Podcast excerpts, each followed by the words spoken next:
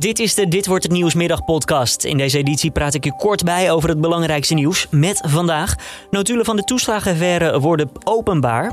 Honderden patiënten thuis aan het zuurstof. En we kopen blijkbaar massaal Barbies tijdens de lockdown.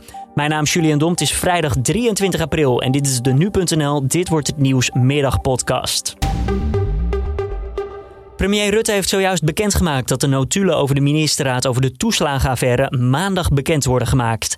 In die ministerraad werd besloten stukken achter te houden voor de Tweede Kamer. Zowel de versie die is gegaan naar de voorzitter, als de versie die is gegaan naar de leden van de commissie. Dus al die eh, stukken uit de notulen die zij gehad hebben, die zullen maandagavond ook worden openbaar gemaakt samen met eh, de brief van de Kamer. Nou, maandag worden ze dus openbaar en donderdag is er dan een debat over de stukken.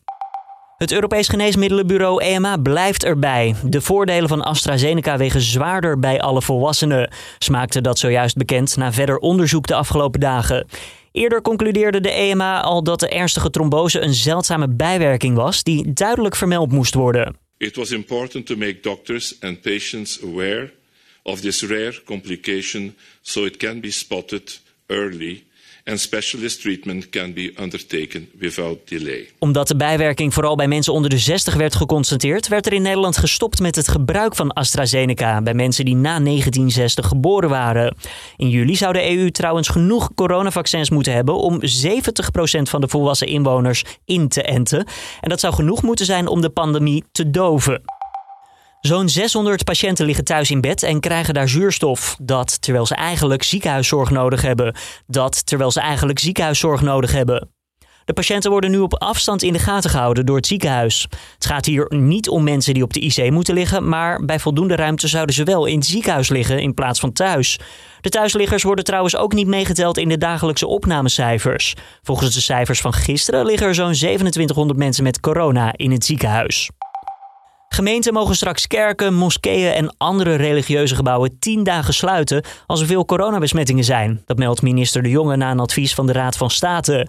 In de wet wordt vastgelegd dat bedrijven, winkels en horecagelegenheden tien dagen gesloten kunnen worden door gemeenten in het geval van een coronabrandhaard.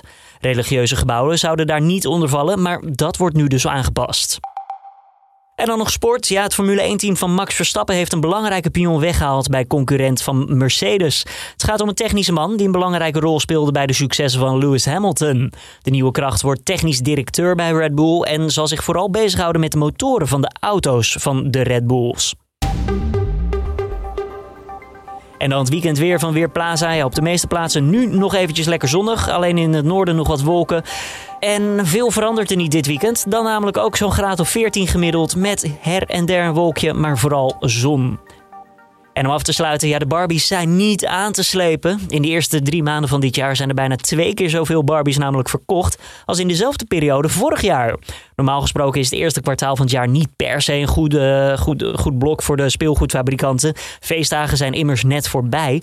Maar nu kan de Barbiemaker Mattel behoorlijk blij zijn. De pop heeft namelijk 229 miljoen euro opgebracht in die eerste drie maanden. Stijging zou trouwens vooral komen omdat ouders meer speelgoed kopen vanwege de lockdown. En dit was dan de Dit wordt het nieuws podcast van vrijdag 23 april. Tips en feedback zijn altijd welkom natuurlijk via podcast.nu.nl. Ik wens je voor nu een fijne avond en een goed weekend. Mijn naam is Julian Dom en tot volgende week weer.